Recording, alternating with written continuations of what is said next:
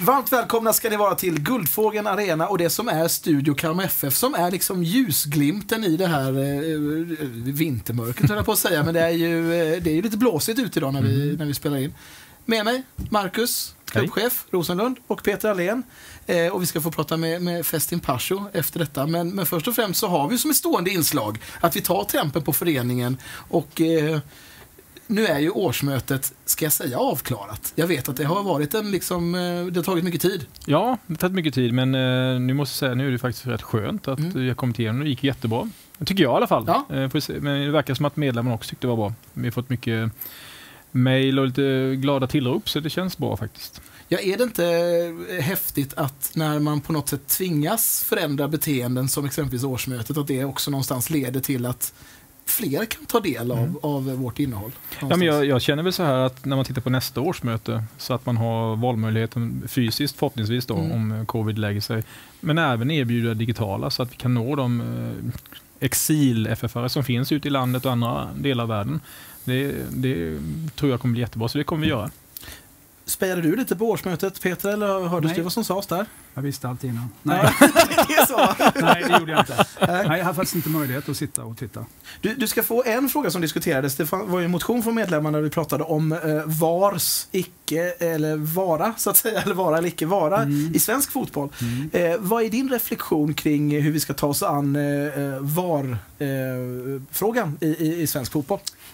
Jag tror att det är omöjligt för Sverige att stå utanför om nu Fifa och Uefa vill att Sverige ska haka på. Jag tror inte vi exklusivt kan stå utanför en sån eh, med VAR. Det tror jag inte.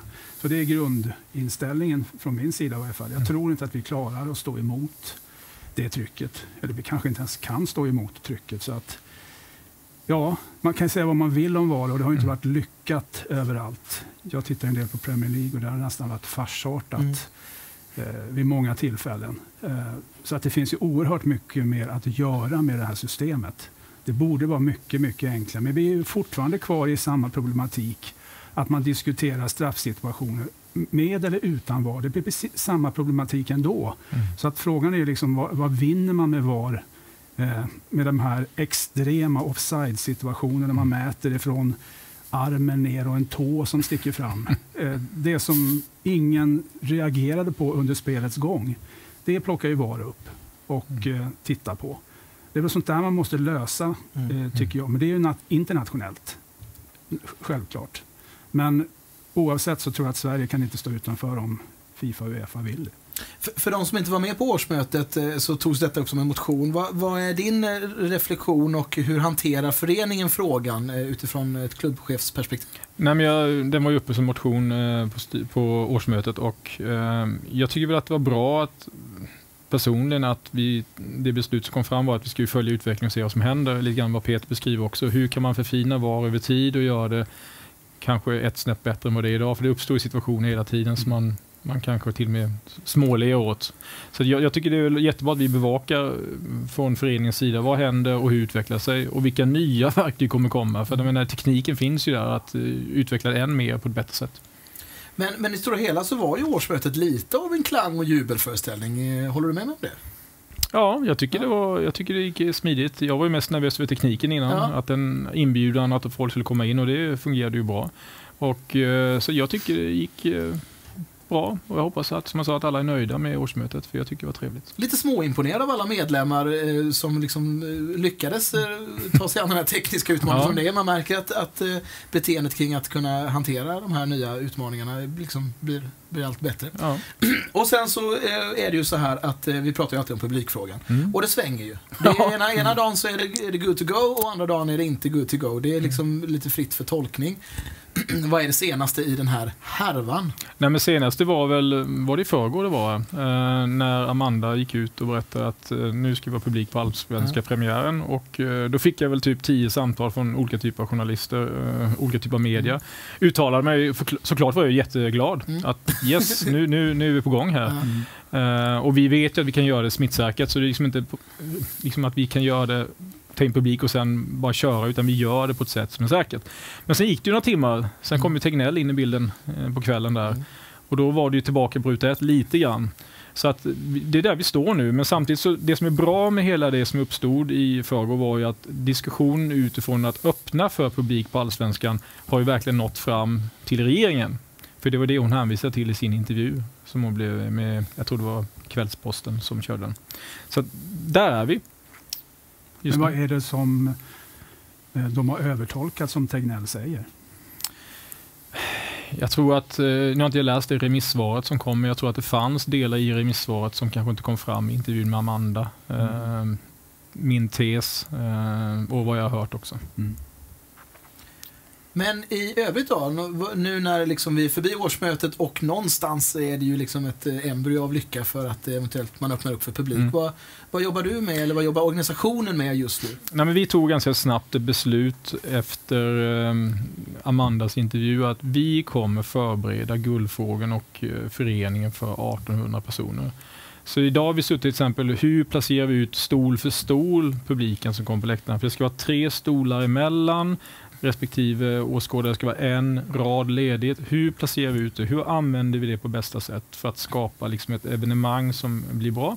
Så vi har suttit med idag i en timme. Vi har också tagit vidare steg hur vi bygger organisationen kring evenemang och säkerhet. Så att det har varit mycket tid med de sista dagarna.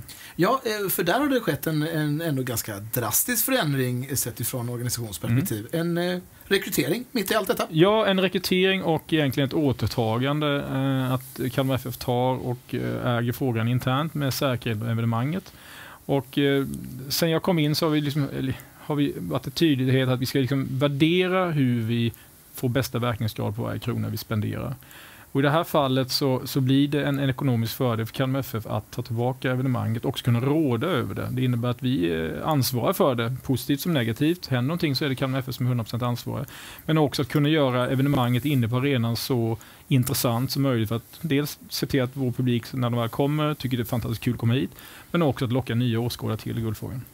Så att, och den rekryteringen vi gjorde, eh, eller två rekryteringar kan man säga egentligen, det var ju att Björn Andersson kom tillbaka, som har haft den rollen tidigare. Och för att stödja upp den organisationen har vi också tagit in Karl Holst, som tidigare var SLO. Så det är liksom grunden i eh, säkerhet evenemangsorganisationen. Vi har också inlett samarbetsavtal med de som jobbar som publikvärdar. Mm. Så jag vågar säga att organisationen är 90-95% klar. Och vi kommer vara väl förberedda inför matchen oavsett om det blir publik eller inte publik. Men, men Karl Holst är alltså eh, heltidsanställd för säkerhet på, i Kalmar Inte nu, utan han kommer börja i juni. Mm. Då kommer han gå in i den, den rollen, eh, att jobba med säkerhet. Han kan inte vara säkerhetsansvarig för att kräva att man går, genomgått utbildning hos SEF. Mm. Björn har alla certifikat, så här, Björn är den som är på pappret och kommer driva det. Karl Holst kommer gå bredvid och, och komplettera Björn i det säkerhetsarbete som behöver göras under evenemanget under matcherna. Och det är ju utifrån eh, eh ett supporterperspektiv en, en, ganska bra värvning då Karl Holst tidigare varit SLO mm. eh, för Kalmar FF. Eh, och det får mig osökt in på frågan, vem blir vår nästa SLO? Hur sker den rekryteringsprocessen? Vem, vem väljer det? Eh, den rekryteringsprocessen kommer ju påbörjas nu såklart när Karl eh, över tid lämnar sin roll som SLO. Och det kommer ju vara eh, utifrån supportunionen också att titta på vilka namn som finns där. Så det blir en klassrekrytering där vi kommer få kandidater och sen så tittar vi på bästa kandidaten för uppgiften. Kul! Mm. Eh, SLO, hur viktigt är, är det för en förening som Kalmar FF, Peter? Jag tror det är viktigt för alla elitföreningar att ha den kopplingen mellan supportrarna och föreningen mycket, mycket mer lättarbetat. Det finns en direkt linje in från supporter till, till ledningen i Kalmar FF. Jag tror det är jättebra. Och om man nu känner att man eventuellt skulle vara sugen på att bli SLO, kan man kontakta Kalmar FF då? Absolut. Och, och, eh, nominera kanske sig själv eller någon annan? Ja, jag tycker det kan vara alldeles ypperligt att använda SLO-adressen vi har mm. Eh, och eh, skicka in sin intresseanmälan. Ja, snyggt. Vad innebär jobbet mer praktiskt? Ja, det kan ju vara bra att veta. SLO? Ja. ja. Det är ju länken mellan, precis som du beskrev Peter, ja. och sen så vid matcherna så ska ju de närvara och också eh, säkerställa dialogen med säkerheten och eh, eventuellt polis eh, beroende på vilken typ av match det är. Så det är egentligen en, en spindel i nätet på ett sätt. Mm. och också se till att ha en bra dialog med supportrarna. Om man tittar på Karl Holst, vilket också jag ser som en fördel när han kommer in i säkerhetsorganisationen, han har ju en relation med våra supportrar och känner dem och har en bra dialog med dem och haft det som SLO den dialogen vill vi fortsätta nu när han kliver in i Kalmar FF regi helt och hållet. Då. Så att den delen får man inte förglömma, för det är faktiskt så att uh, om man löser genom att ha en dialog om saker och ting och, och skapa en förståelse för varandra, mm. då blir det en bättre upplevelse i slutändan. enig. Hur ser relationen ut med supportrarna tycker du, så här när du, när du har varit inne i, i föreningen ett Jag tycker den, den känns bra eh, från mitt, min Mm. sida. Eh, Jag var med senast häromdagen på deras eh, styrelsemöte och jag vet att Jörgen är med ibland, Mm. Henke har varit med någon gång också. Vi försöker liksom vara med och informera om det som händer och sker och de har lite frågor till oss ibland och då svarar vi på dem. Så att återigen tillbaka till tillgängligheten. Att ha en dialog. Jag tror det är jätteviktigt. Men det känns bra. Superbra. Mm. Stort tack för det, Marcus. Mm. Det är alltid lika intressant att få en liten temp i, i föreningen. Ja. Jag tror att våra både tittare och lyssnare uppskattar detta. Eh, sök tjänst. Är det, kan man säga att det är en tjänst att vara SLO, eller är det, det är ett ideellt? Det är ideellt eh, arbete, ja. Ja, men det, det, det har öppnat sig en möjlighet för den som vill liksom Ja. hjälpa till. Och, och Spindeln i nätet var väl en superbra beskrivning på den, Mm. eh, den rollen. Eh, stort tack Marcus för att Tack du kom hit. Och eh, efter pausen så kommer Festim. Då ska vi prata fotboll. Inslaget presenteras av Ålems Sparbank.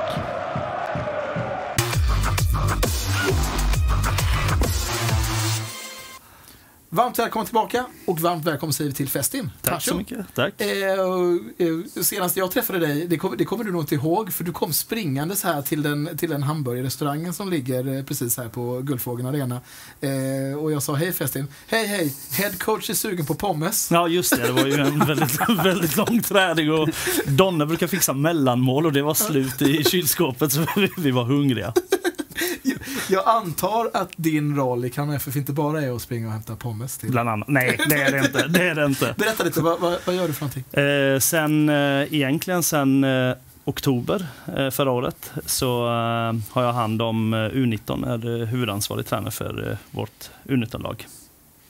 Eh, tiden flyter ju ihop så här när man pratar fotboll. Men, men du var ju i Kalmar FF, det redde vi ut, du kom 2016. Mm. Och eh, eh, sen så gick du till, eh, till Nybro va, 2018, eller vad hamnade Mm, du? nej, i, ingenstans. eh, Utan eh, 2016 kom jag in Ja. eh, och började jobba på ungdom som koordinator.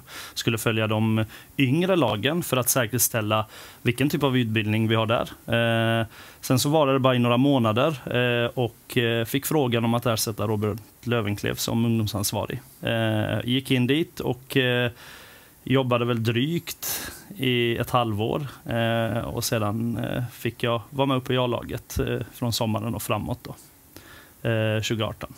För, för det jag vill komma till är att jag minns att det, var, det pratades internt som ett väldigt stort avbräck när du lämnade Kalmar FF.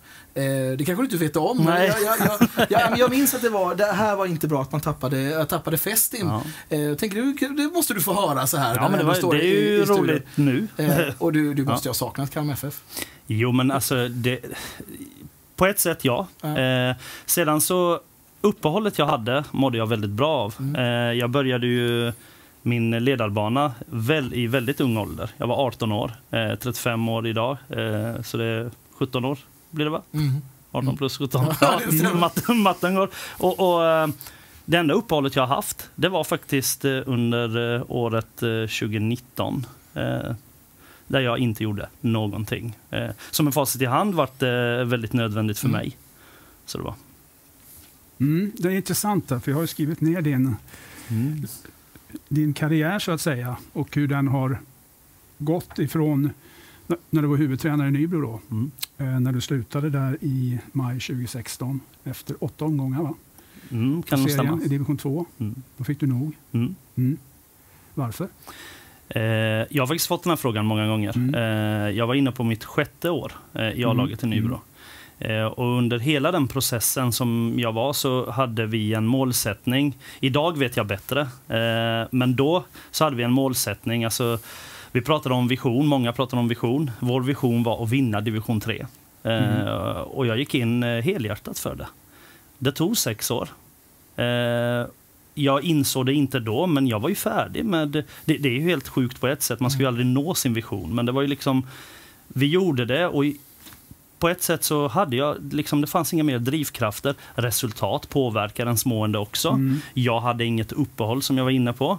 Eh, och till slut så blev det för mycket, eh, helt enkelt. Mm. Och sen kom du till Kalmar FF då, Mm, eh, och de här olika rollerna. Och sen slutade du då i december var 18. stämmer. Eh, men du hade möjlighet att stanna kvar. Ja, jag var ju eh, tills vidare anställd som ungdomsansvarig. Och anledningen till, eh, till att jag inte, eh, eller valde att koppla bort fotbollen helt, det hade ju givetvis flera orsaker, grundade sig i många saker. Eh, ett av dem var att jag ville vara ute på plan. Eh, vilket då inte var möjligt. Föreningen tog ett beslut om att ta en annan riktning. Mm. Eh, och, och, så fungerar ju elitverksamhet. Mm. Eh, men det var ju inga hard feelings eller på något sätt. Utan på tal om det du inledde med så, så fick jag faktiskt beröm för att jag verkligen jobbade fram till sista dagen. Eh, och lite bonus också utöver. Mm. För vi avslutade Barometern Cup och sen städade vi hallen. Och sen så fraktade vi allting här och det var ju dagen efter jag hade slutat officiellt då, så att säga. Eh, men det var, de på ekonomi hade nog inget underlag de saknade. Eh, så allt var, allt var färdigt för, för eh, den som skulle komma efteråt då. Mm. Men, men, i grund och botten, det var att jag ville vara ute på plan. Men sen blev det Oskarshamns AIK? Ja. Assisterande tränare? Ja, det, det vart eh, en... Eh, jag skulle in och, och, hjälpa till. Jag hade varit iväg i, i ett år då, eller varit ifrån fotbollen ett år. Eh, en utav en god vän till mig eh, var där, eh, lurade mig och sa att nu, nu kör vi. så jag var där i, i, några månader, men definitivt inte fulltid. Absolut inte. Utan jag, jag skäms nog säga det lite, men jag, jag tror jag snittade sex träningar kanske på tre månader. Så det var den mängden. Mm. Okej. Okay. Mm. April där så lämnade du? Mm, det stämmer. stämmer. Sen blev det Kalmar FF igen senare på året då? Nej, det blev faktiskt Kalmar FF direkt, så det var ett byte vid E22 där. Eh, det var ju också en bakgrund till varför och, och det tog jag ju med Oskarshamn också att eh, nu nu har jag haft eh, dialog tillsammans med framförallt Jens och mm. Jörgen.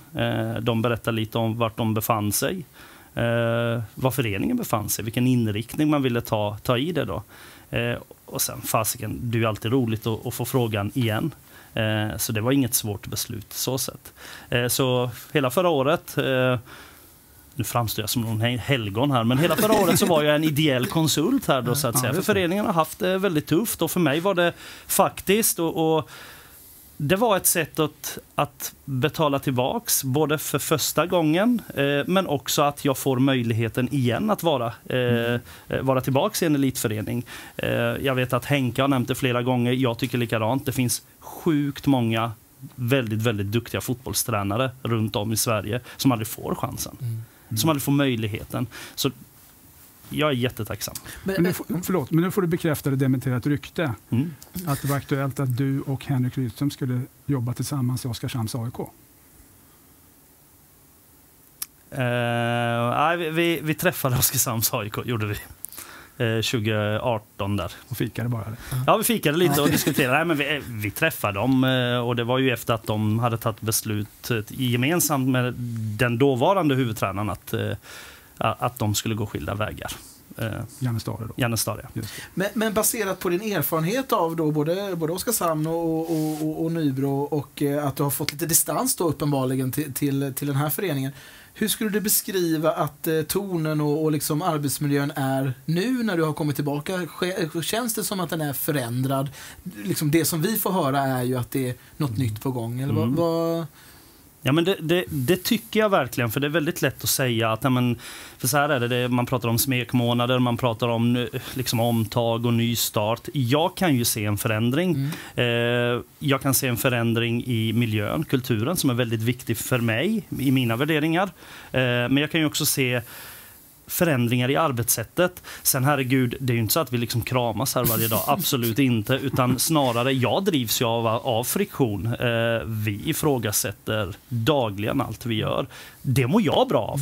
Eh, men jag ser förändringar. Eh, sen i fotboll finns det ingen facit. Men min övertygelse är att det vi gör på sikt kommer ge kan du, inte, kan du inte bjuda på en sån här liten friktion om du får tänka efter någonting som, som är en, en eh, en, en fråga som, som, som diskuteras där du, du behöver inte liksom ta ställning, men vad, det kan vara intressant i sånt här ja, forum, ja, tänker precis, jag. Liksom, vad... precis. Nej, men vi, alltså så här, vi, vi, vi, samverkar ju väldigt mycket, har väldigt mycket dialog. A-teamet, akademin, eh, Jens i sin roll, Jörgen i sin roll. Så, så ja, men eftersom vi inte får spela matcher, eh, akademin har inte spelat matcher sedan i oktober.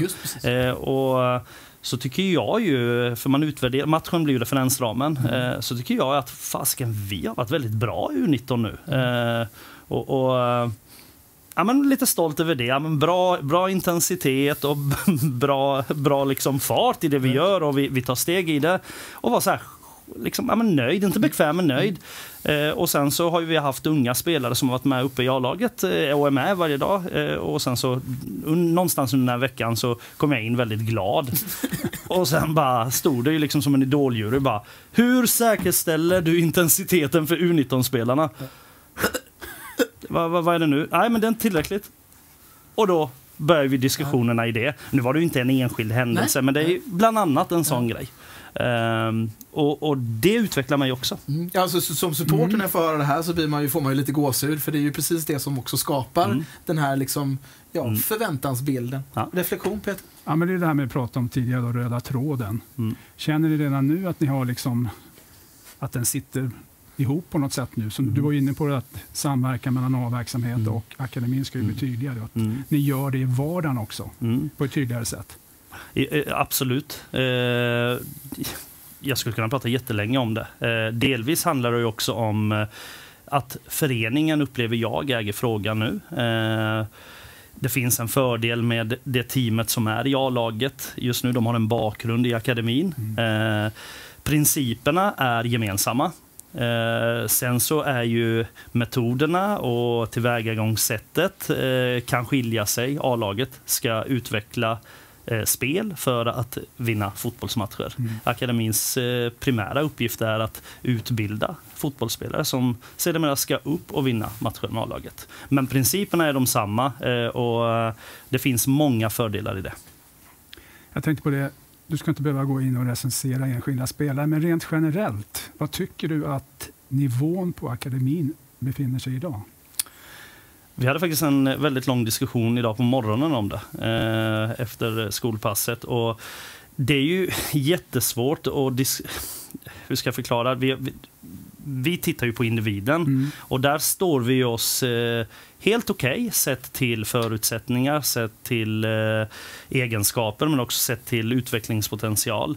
Eh, för mig blir frågan lite större än bara akademi och A-lag. Eh, den röda tråden, vi är på god väg i den. Mm. Vi står helt okej. Svårt att eh, alltså sätta oss mot ett, mot ett annat lag, för det är inte heller relevant. Men, men vi står helt okej. Jag tycker vår utbildning är bra eh, för unga spelare. Med det sagt så för mig blir frågan lite större för att när de väl kommer upp till akademin Mm. så, så ska ju de kunna ha lite mer i bagaget än vad jag upplever att de har Just nu. just nu. Ja. Mm. Eh, och, och med det sagt handlar det inte om att eh, jag ska inte vara så, så, så politiskt korrekt. De ska ha lärt sig vissa saker längs vägen tills de kommer upp och blir eh, liksom i, en i en ålder där de är med i akademin. Jag skulle faktiskt kunna rakt ut säga att elitförberedaren från lägre ålder. Mm. Funderar ni på det? Eh, jag äger ju inte frågan, men om man frågar mig så kommer jag rösta för ja. Och då pratar vi om ålder 13. Någonstans där, 12-13 år. Eh, Mm. För att jag sitter ju väldigt mycket samtal med unga spelare. Ibland så händer det att det är föräldrar som ja, men man diskuterar. Och, och sen så är ju liknande som det kanske var för mig också, att drömmen om en ut i Europa. Ja, men vad förväntar sig ut i Europa? Mm. Och, och sen så handlar det om att bryta ner det. Liksom. Ditt steg ska ju vara liksom, akademi, A-lag och sen Sen. Eh, och, och tittar vi hur de absolut bästa jobbar så börjar inte de från U17 som vi gör på ett sätt. Nej. Ja, men det. det är en intressant fråga. Och, och du, du jobbar ju samtidigt med ungdomar som, som, du för, alltså som ska ta nästa kliv Mm. och nästa kliv igen. Mm. Hur är det och, och från ditt perspektiv att se eh, den typen av spelare som kanske inte ta, ta, kan ta det klivet? Mm. Alltså blir det, hur, hur är det att jobba i en sån miljö? För att alla kan ju inte bli A-lagsspelare. Nej, men alltså, och det, det pratar vi ju om väldigt mycket i vardagen med spelarna. Eh, just nu så sitter vi med var och en och bygger upp en individuell utvecklingsplan. Och i det så handlar det inte bara om att måla upp den ena delen. Vi pratar också om om fotbollen inte är eh, liksom det blir så som du har tänkt dig. Vad har du för plan då? Har du någon plan? Bara just för att väcka tankarna. Eh, sen är ju inte de jättesmå. De fattar ju också. Det, det rör sig om, alltså tittar man historiskt så rör det sig om kanske två, per årskull som når A-laget i Kalmar FF Ja. eller senior, liksom elitsenior. Eh, så, så den medvetenheten har de. Men ambitionen har ju alla att det ska gå. Men, men jag upplever inte att det är någon dramatik. Eh, för det har ju varit historiskt också att vissa har fått gå vidare. Där upplever jag inte att det är någon dramatik. För några är det ett miljöombyte kan vara bland det, liksom bra för dem. Så, Mm. Ja. Nu har ju två spelare fått tävlingsdebutera i år från U19, då, Elias Olsson och Isak Widjeskog. mm, Finns det fler i den pipelinen som är mm, på väg in i den, mm. på den nivån? Jag ska rätta dig lite. Elias Olsson tillhör A-laget. Ja, förlåt. Ja, men han är Ja. ju U19-mässig. Han kan Ja, spela ja, ja, U19. ja, precis. Absolut. absolut. Eh, eh, ja, men det är ju vår ambition. Alltså, jag ska ju egentligen låta Marcus svara på den frågan, men tittar vi utifrån eh, alltså, ekonomiskt, utifrån att vi, Kalmar FF är en elitförening som någonstans, där ekonomi är väldigt viktigt, så är det helt avgörande att producera fram spelare för att kunna sälja, eh, för att kunna utveckla organisationen. Men att det kommer spelare eh, underifrån och att det finns spelare i befintlig U19-trupp som har förutsättningar för att bli allsvenska spelare? Svaret ja. Mm. Finns det några specifika kullar nu som sticker ut bakåt? Eh, Jag är faktiskt väldigt dåligt insatt i det. Okej. Därav den här frågan eh, som vi diskuterade idag. Det är ju också ett sätt. Hur säkerställer vi vad som kommer underifrån? Hur säkerställer vi vad man gör underifrån när man kommer upp till akademin? En fråga som jag tycker är intressant när man har en akademi. Hur tittar ni positionsmässigt när ni plockar in folk till akademin eller spelare? Jag tror att, eh, som sagt, nu har det ju bara varit några månader som jag har varit här, men jag tror att eh, position är helt eh, irrelevant. Sen är ju, den andra frågan är ju intressant också. Ska det vara relevant utifrån position? Men jag tycker, eller jag tror, och, och när jag tittar på spelare och när vi diskuterar spelare så, så är det utifrån egenskaper, Eh, uteslutande. Position eh, på ett sätt tycker jag inte heller det ska vara jätteviktigt. Visst, eh, om A-laget eller föreningen inte har några pengar alls och vi står inte med någon mittback här, ja men då kanske det är bra om man tittar på någon mittback. Men, men eh, nej, utan det är utifrån individen då. Vad har den för förutsättningar och egenskaper? Vad blir det för seriespel i år för U19? U21 kommer igång också. Mm. Ja, det är ju den nationella eh, P19-serien, då, P19-allsvenskan. Nu har vi ju fortfarande inte fått ett besked om hur det blir med den. Eh, 27 mars är tanken att det ska vara eh, eh, premiär då. Men eh, Tveksamt. ja, jag är tveksam. Jag, tror- jag tror att det kommer landa i samma beslut som det gjorde för de här eh, divisionerna som var precis under elit eh, i maj någon gång. Träningsmatcher då? Inte det heller. Inte det heller. Inte det heller. Så ni kan i princip gå rakt in i seriespel? Då? Ja, det gjorde eh, man förra året. Ja. Eh, när det förlängdes och förlängdes och förlängdes. Och sen så inom två veckor så togs ett beslut att nu börjar vi. Mm. Hur svårt eller hur enkelt är det att hålla upp ambitionen då när man inte får spela matcher? jag fick höra i förra veckan att du oroar dig mer för det Festi, men för jag hade frågan uppe, eh, hur jobbar vi motivation, än vad spelarna gör och, och den som sa det hade faktiskt rätt. Spelarna, alltså matcher, det är därför man cyklar eller åker bussen hit åtta gånger i veckan för att spela fotbollsmatcher, men eh, eh, de är så beslutsamma i, i, i liksom sin utveckling. Så att för dem är ju nästa aktion viktigt. Och det, det är jätteroligt att jobba med, med sådana spelare. Eh, men visst, skulle det pågå ett år till utan matcher, ja, då tappar den generationen väldigt mycket. Mm. Tyvärr. Jag tänkte på det också. Du har ju fått en ny partner på U19 ju. Mm. Emin Mm. Nori. Mm. Hur fungerar det samarbetet då? Det fungerar jättebra. Mm. Den lediga tiden som vi inte är här pratar vi i telefon, så det fungerar skitbra. Men hur, hur är det, för jag, har ju, eh, jag tycker att jag har sett ett ökat engagemang för just med Emin även i A-laget, alltså när det Ja. gäller hur, hur A-laget ska spela och så Mm. vidare. Det känns som att eh, det, det, liksom, det går en röd tråd även via liksom, hur Mm. ni U19 och, och Mm. A-laget. Det Mm. måste ju vara Ja. intressant. Absolut, och där är ju vår fördel i U19 med Emin inne, det är att eh, han kan ju koppla ihop saker. Eh, principerna är de samma, men han kan ju också koppla upp saker i feedbacken, i coachandet till det. Men jag trivs jättebra som svar på frågan. Eh, väldigt engagerad. Emin har ju ledaregenskaper naturligt som fotbollsspelare. Nu har han gått in och, och liksom på andra sidan att vara ledare eh, utanför de fyra vita linjerna, alltså nu inte i träning då, men att coacha och, och det tror jag kommer göra honom väldigt gott. Kul. Men väldigt roligt att jobba med honom. Mm. väldigt Det tror roligt. Mm. Eh, du, du, du är på väg ut va? Eller du sa det, det, det är någonting på gång här. Jag har Ja. ett individuellt samtal Ja, snart. ja, och då, då ska vi ju inte hålla kvar dig. Vi hade kunnat stå här hur länge som helst. Ja. Herregud vad intressant att prata Mm. om, om det som ändå är liksom, ja, men fundamentet i det vi håller på med. Stort tack för att du kom hit och, och, och så kul att höra att, eh, att det är liksom, att det är på gång. Ja, Eh, och med det sagt så lycka till så, så hörs vi. tack. Det gör Tack vi. för att du kom hit. Tack själva. Tack själva. Och vi kommer tillbaka med lite reflektion kring det här. Eh, oerhört intressanta samtal. Inslaget presenteras av Ålems Sparbank.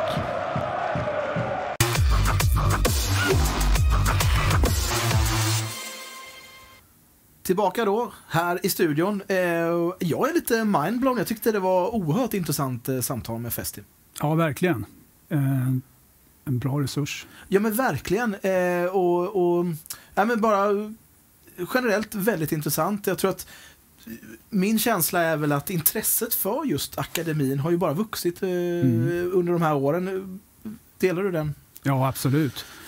Men det är också en uttalad målsättning föreningen har haft under ganska lång tid. Men kanske nu först, nu som man känner att nu är man på plats, kanske med rätt bemanning också, Mm. hela vägen. Och det tror jag är avgörande för att det här ska lyckas med röda tråden. Det här är ju människor som pratar fotboll på samma sätt. Även om det finns friktion naturligtvis, som, Ja, man, var, in- som man var inne på. Självklart, det måste det ju vara. Men just att man har en samsyn runt fotbollen och hur man vill utveckla den här föreningen. Och just att man har hittat rollfördelningen här också, fått in Festim igen i en viktig roll.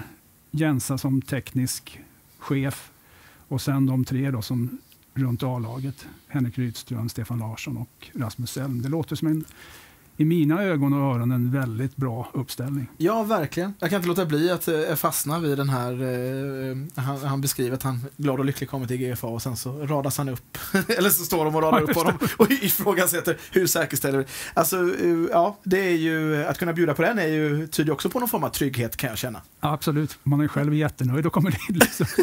Nej, tyvärr grabben. Ja, nej men det, det är väl eh, mellan raderna så känns det som att eh, kravställningen har ökat i föreningen. Eh, eller är jag fel Ja. ute där? Jag skulle vara oerhört förvånad om vi inte gjorde det med den här besättningen. Mm. Helt klart. Super. Lite reflektion kring det Marcus sa då, årsmötet och, och händer ju mycket saker trots allt med det här SLO och säkerheten. Och vad, vad är din tanke kring det? Ja, men det är väl som vi har kanske tagit upp, nu, att det, liksom, det blåser lite positiva vindar i föreningen i, i stort. Och att intresset utifrån också är stort och kanske blivit ännu större tack vare pandemin. Då man saknar fotbollen naturligtvis och vill ha så mycket information som möjligt. Och, och att föreningen också är lite mer öppen idag än vad man kanske varit tidigare. Jag tänker på årsberättelsen som var mycket mer omfattande det här året än vad den var tidigare. Mm. Man beskrev hela föreningen den här gången och utförligt och alla fick komma till tals. Det tror jag är viktigt för medlemmarna att de, får, de känner att de får insyn och att man kan påverka. Det tror jag är jätteviktigt. Och vi har nämnt innan just att också årsmötet blev digitalt i år att man Mm. fick eh, kunna ta del av det eh, runt om i hela världen. Det är Mm. ju också viktigt för föreningen. Eh, men eh, med, med den känslan eh, och med en vinst mot Brage så åker ju då eh, Kalmar FF upp till, till Stockholm och, och Djurgården i Svenska Cupen och känslan är väl att man ska åka upp och, och, och, och överraska. Eller att man liksom har det som ambition och man vill styra Mm. matchen. Vad hände uppe i, i, på Tele2 Arena? Ja du, bra fråga. Pang, pang, pang. Pang, pang, pang sa det. 3-0 efter 20 minuter, 1-0 efter 55 eller 56 sekunder. Det var väl inte den starten man hade önskat och eh, det är klart man är förvånad med tanke på att man visste om hur Djurgården skulle komma ut. Högt, aggressivt och försöka då störa Kalmar FF så mycket i ja, den här speluppbyggnaden som man vill jobba med. Därför kom de här individuella misstagen väldigt konstigt tycker jag. Mm. Att de blev så chockade. Det är, det är två bolltapp och det är en missad arbetsfördelning när Kalle Holmberg nickar in 2-0. Ja, det var jättekonstig start. Liksom Mm. man, man trodde inte det var sant att man kunde bli så överraskad fast man visste vad som väntade. Och, och det är klart, det är någonting man måste jobba med. Eh, just det här att minimera de misstagen. Och så har man ju släppt in då kanske lite för många mål paritet mot vad man har gjort. Ja, för det som såg så himla bra ut mot Brage såg ju inte alls bra ut mot, mot Djurgården kan man väl säga rent defensivt. Är, är vi inte tillräckligt bra defensivt mot eh, topplagen i Allsvenskan? Ja, det är svårt att säga efter en match. Eh, Djurgården har ju bevisligen gjort mycket mål på försäsongen och är effektiva när de får träff med, med sin höga press där. Eh, men samtidigt ska man inte glömma bort att efter 3-0 så var jag lite orolig att de skulle liksom bara Mm. sjunka ihop och bli så förlamade som man kunde bli förr om åren. Men det, det hände ju inte. Det, hände, det blev helt annat. Mm. Kom in i spelet, spelade väldigt bra, framförallt sista 15 20 minuterna på första halvlek där man hade långa passningssekvenser från egen planhalva. Och det var, man fick in folk i boxen. Man hade farliga avslut. Eh, Tillräckligt många, tycker jag, för att man skulle ha gjort fler mål. Och där var ju en stor skillnad, tycker jag. Att man ändå trots 3-0 kunde växla om och, och få till den här fotbollen som man ser att det finns ett mönster. Men det, det finns ju en oro naturligtvis, som du säger här, att man släpper in för många och lite för enkla mål. Även 4-1 var ju också en bjudning. Och, och det där måste man ju sortera bort naturligtvis. Annars kan det bli jobbigt. Och eh, cupäventyret, om man nu kan kalla det för äventyr, är Mm. slut för den här gången. Eh, och eh, jag fattade som att det bara är en match kvar innan vi går in i seriespel. Ja, eftersom matchen mot Öster på lördag är inställd, eftersom de hade något covid-utbrott förra veckan. Va? Just det. Så den är ju helt inställd. Så att jag, vad jag har hört så skulle det bli någon intern match istället. Mm. Men sen återstår de Mjällby i, i genrepet eh, helgen efter. Och sen är det några veckor till och till eh, allsvenska starten. Så där står man nu. Så det är inte mycket att vifta på som man säger. Nej, precis. Och vad, vad, vad, om du får spekulera, är, är Kalmar FF redo för en allsvensk seriepremiär? Det kommer man vara premiären tror jag.